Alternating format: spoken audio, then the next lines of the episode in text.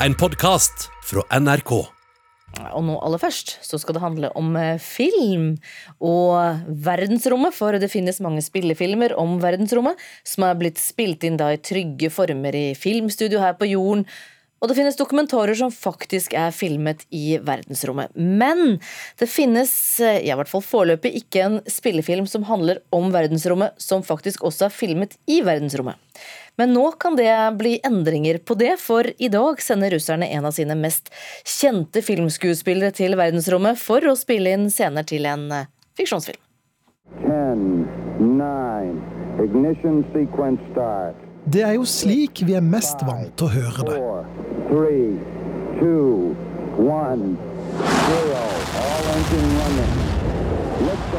1, 0. All engine running. Liftoff. En amerikansk stemme som teller ned når superprofesjonelle astronauter skal ut i verdensrommet. Enten når det er på ekte, eller i en fiksjonsfilm, som f.eks. i Armageddon, der Bruce Willis forlater jorden med episk musikk som dette i bakgrunnen. Men det som skal skje i dag, har aldri vært gjort før.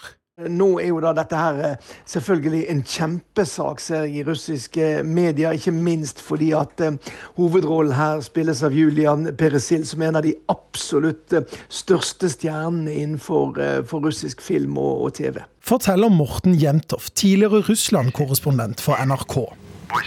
Nedtellingen i dag vil nemlig foregå på russisk. Den russiske staten har nemlig finansiert det litt uvanlige prosjektet der de skal sende en skuespiller og en regissør ut i verdensrommet. Ja, og rett og slett for å lage det de håper kan bli en helt spesiell helaftens spillefilm. Det har jo vært en kraftig diskusjon i Russland også om, om det er fornuftig bruk av, av statens midler. Eh, For da blir det jo kan du si, litt stopp i den forskningen og teknologiutviklingen som skal foregå på romstasjonen fra russisk side, når det da er to skuespillere som skal drive og, og filme og lage film istedenfor. Sier fagsjef ved Norsk Romsenter, Pål Brekke, som forteller at tanken bak hele prosjektet er Å lage større blest om dette med bemannet romfart og øke interessen blant eh, særlig unge. da. Så det er jo en, en liten plan med dette også, da. Skuespilleren og regissøren har bare trent i noen få måneder på det mange bruker flere år på å forberede seg på. De skal riktignok ha med seg to profesjonelle kosmonauter. Og ja da, amerikanerne er i gang med noe lignende. En veldig kjent amerikansk filmstjerne som har vært i Norge noen ganger, skal snart reise ut i verdensrommet for å lage spillefilm i et helt annet miljø. Vi snakker selvfølgelig om Tom Cruise.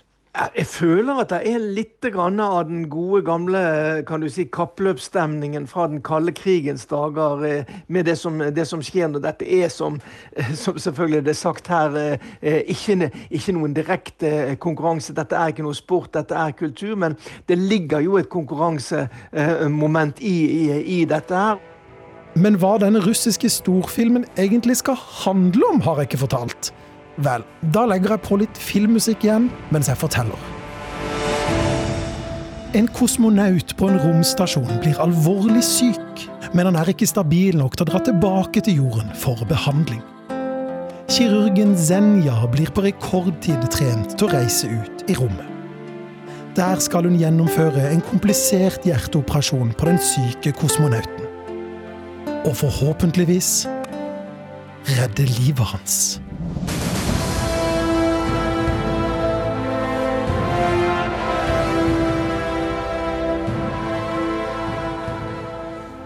Reporter her var Christian Ingebretsen og Siamak Nematpour.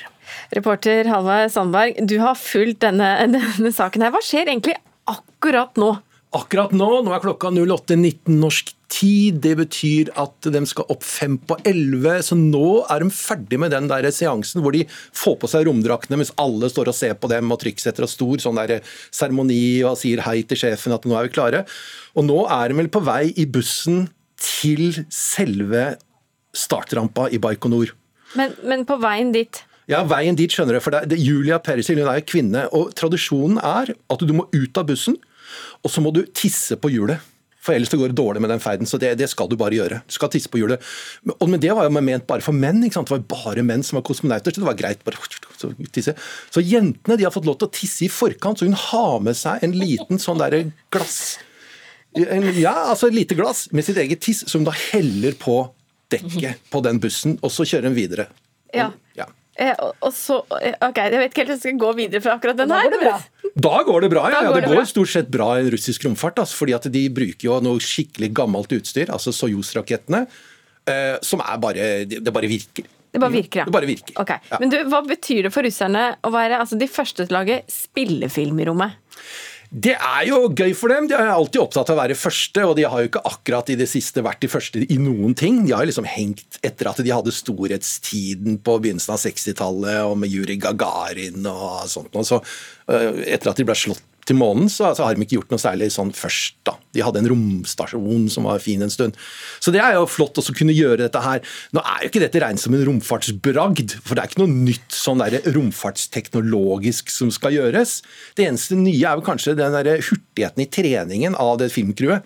For de begynte i mai og liksom sånn nå rask, rask, rask, rask. Og det er en av grunnene til at Roskosmos, den russiske romfartsorganisasjonen, har satset på dette her. For de ser det som en realistisk trening i å få folk raskt opp i rommet. Og det hun Julia Perisil, hun skuespilleren, skal gjøre, hun skal være kirurg der oppe. Late som hun er kirurg, da. Fordi at en av kosmonautene har fått et sånt hjerteproblem, og så må hun opp for oss å gjøre åpen hjerteoperasjon i, i vektløs tilstand. Det skulle jeg gjerne sett. Det er vanskelig. Hvert fall hun skal gjøre det. Og det ser også russerne som en trening i. Tenk hvis det skjer med en av kosmonautene våre, og vi må ha en spesialist opp. Hvor raskt kan vi få den personen opp? Så de har øvd litt på det, da. Men har det bare vært hyllest av dette prosjektet, eller er det Nei, nei, nei. nei, nei. Altså, sjefen for astronaut, eh, eh, en virkelig eh, altså, legende, Krikalev, en mann som jeg har møtt, han satte stillingen sin inn på å stoppe det. Og så fikk han sparken. så det gikk ikke så bra. Så det var støtte fra toppen om at dette skulle gå. da. Så fikk han jobben tilbake etter at det var massevis av protester og litt vodka og kanskje litt kontakt med Kreml. Så var det. Men hva med amerikanerne, da? Eh, Hva, hva syns de om eh, dette? Er det, De blir jo slått, da. Ja. Ja, de blir jo grundig slått. Fordi at han der Mission Impossible, Tom Cruise, han skulle opp i rommet nå, i oktober 2021. Det var planen i fjor. Og så har vi ikke hørt noe mer etter det. Så eh, det, Han har liksom sagt ja til å spille en rolle i en film i på eh, amerikansk film, da. Eh, men eh, vi vet ikke hvordan det ligger an akkurat eh, nå. Kanskje ikke Tom Cruise hadde lyst til å bruke de nødvendige månedene for å trene seg opp til å kunne være i rommet. Kanskje han er blitt for tjukk. jeg vet ikke. Du kom inn i romdrakten. Men du, nå skal ikke du være noen filmkritiker, men jeg tror det kan bli en bra film av dette her? Eller Nei, Nei, det nei, nei, okay. Det er bare gimmick? Det blir, det blir gimmick, propagandapiss. Skal vise hvor fantastisk de skal, Det står beskrevet som skal vise at det russiske romprogrammet er det ledende romprogrammet i verden. Og hvordan skal jeg få til det, når de ikke er det? Det er liksom sånn interessant å se det. Det blir en sånn fluff eh, propaganda-piece. Men det blir interessant å se hvordan de greier å spille inn de scenene eh, hvor, liksom, hvor du skal gjøre en operasjon med alt det blodet som spruter rundt i vektløs tilstand. Hvordan de får det til, for de må jo ha visualisert hvordan det skal kunne gjøres. Så Det blir interessant fra et sånn romfartsteknisk Ja, så du kommer til å se filmen? Ja, ja. Ja, ja. ja, jeg tror det. Ja. Takk skal du ha, reporter Halvard Sandberg. Nå skal det handle om eh, Britney Spears. Vi har jo snakket om henne jevnlig de siste ukene, månedene. Vergemålet med faren, under faren. Sist uke så ble altså Britney Spears befridd fra dette vergemålet som hun har levd under i 13 år. Det si vergemålet fra faren. Nå takker hun fansen for den konstante støtten som hun har fått alle disse årene. Nå er hun jo fortsatt under et vergemål, men ikke fra faren. Kulturreporter Semak Nematpour, hva er det Britney skriver i innlegget? Nei, Hun eh, legger ut et innlegg på Twitter der hun takker fansen for støtten opp igjennom alle årene. Eh, Innlegget er ganske spesielt. Det er en video. Hun sier ingenting. Hun står bare og stirrer inn i kamera. Mens eh, vi hører Fade av Kanye West i bakgrunnen, som er en ganske grov Vi hører den akkurat nå, ja. Mm, sånn stram bit. Eh, og eh, I teksten så skriver hun rett og slett at pga. Free Britney-bevegelsens innsats, så har livet hennes fått en ny retning. da. Eh, Du kan jo minne oss litt sånn enkelt og raskt på hva Free Britney-bevegelsen er. Det er en eh, bevegelse som startet i 2008 i støtte for, eh, for frigjørelsen av Britney fra hennes vergemål under hennes far Jamie Spears. Da. Eh, det var ikke før sist uke som nevnte at vergemålet ble avviklet av en domstol i Los Angeles, og nå er hun jo endelig fri for nå, da.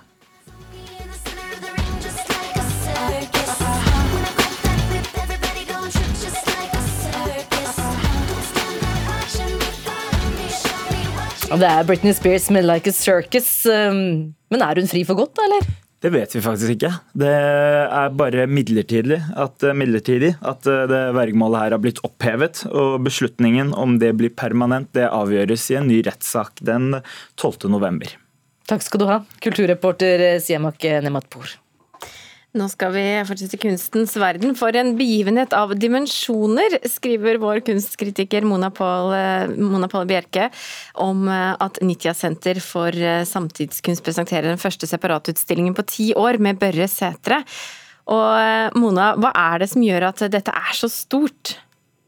Ja, da jeg begynte å skrive kunstkritikk på begynnelsen av 2000-tallet, så var Børre Sætre på absolutt alles eh, lepper. Han var millenniumsscenens helt store stjerneskudd. Og i sine loungeaktige interiører hvor han gjerne brukte utstoppede dyr, som f.eks.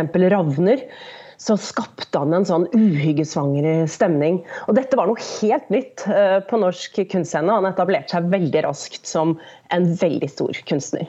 Men eh, så blei det stille om han?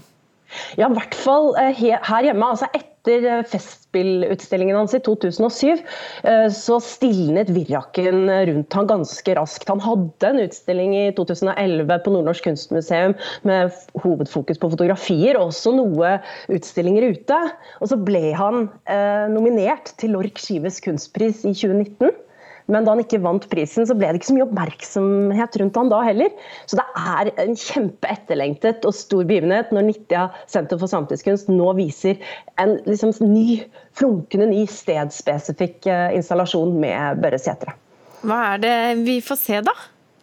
Ja, I installasjonen 'The Sound of the Atom Splitting', som fyller hele den store utstillingssalen i annen etasje på Nittia, så trer vi inn i et glitrende rom der veggene er besatt med blågrønne paljetter som funkler i lyset fra et stort antall lyspærer som blinker. Og disse blinkende lyspærene, som omgir noe som ligner et eh, dansegulv eller en scene, de kan jo få oss til å tenke på lyspærer som er i ferd med å gå, eller et eh, utested som holder på å stenge, og gir en litt sånn følelse av at noe er i ferd med å være forbi.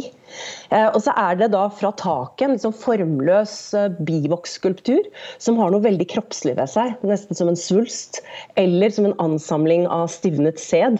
Og sæden er jo veldig interessant og ladet, for det har jo både dette livgivende, det handler om nytelse og ekstase, men det er også potensielt drepende, da, som en væske som eh, bærer på, eller kan bære på det dødelige hiv-viruset. Og På podiet så er det da laget en perfekt replika av urinalet i Stensparken som er blitt stående som et bilde på forbudt kjærlighet, fordi homofile i veldig mange år hadde det som et uh, møtested.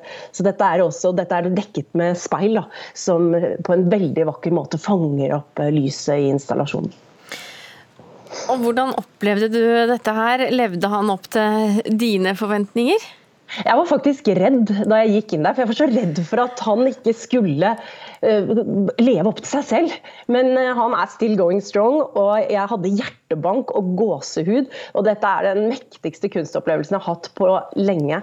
Så dette er noe man absolutt absolutt må få med seg denne skildringen av skjønnhetslengsel og dødsangst, også med dette heftige lydsporet med en sånn skjebnesvanger gong-gong som lyder i bakgrunnen. Kanskje som en påminnelse på denne tanken om aids som en sånn straffedom fra Gud over et uh, syndig liv. Dette henger bare ut oktober, så dette må man altså skynde seg å få med seg på uh, Lillestrøm.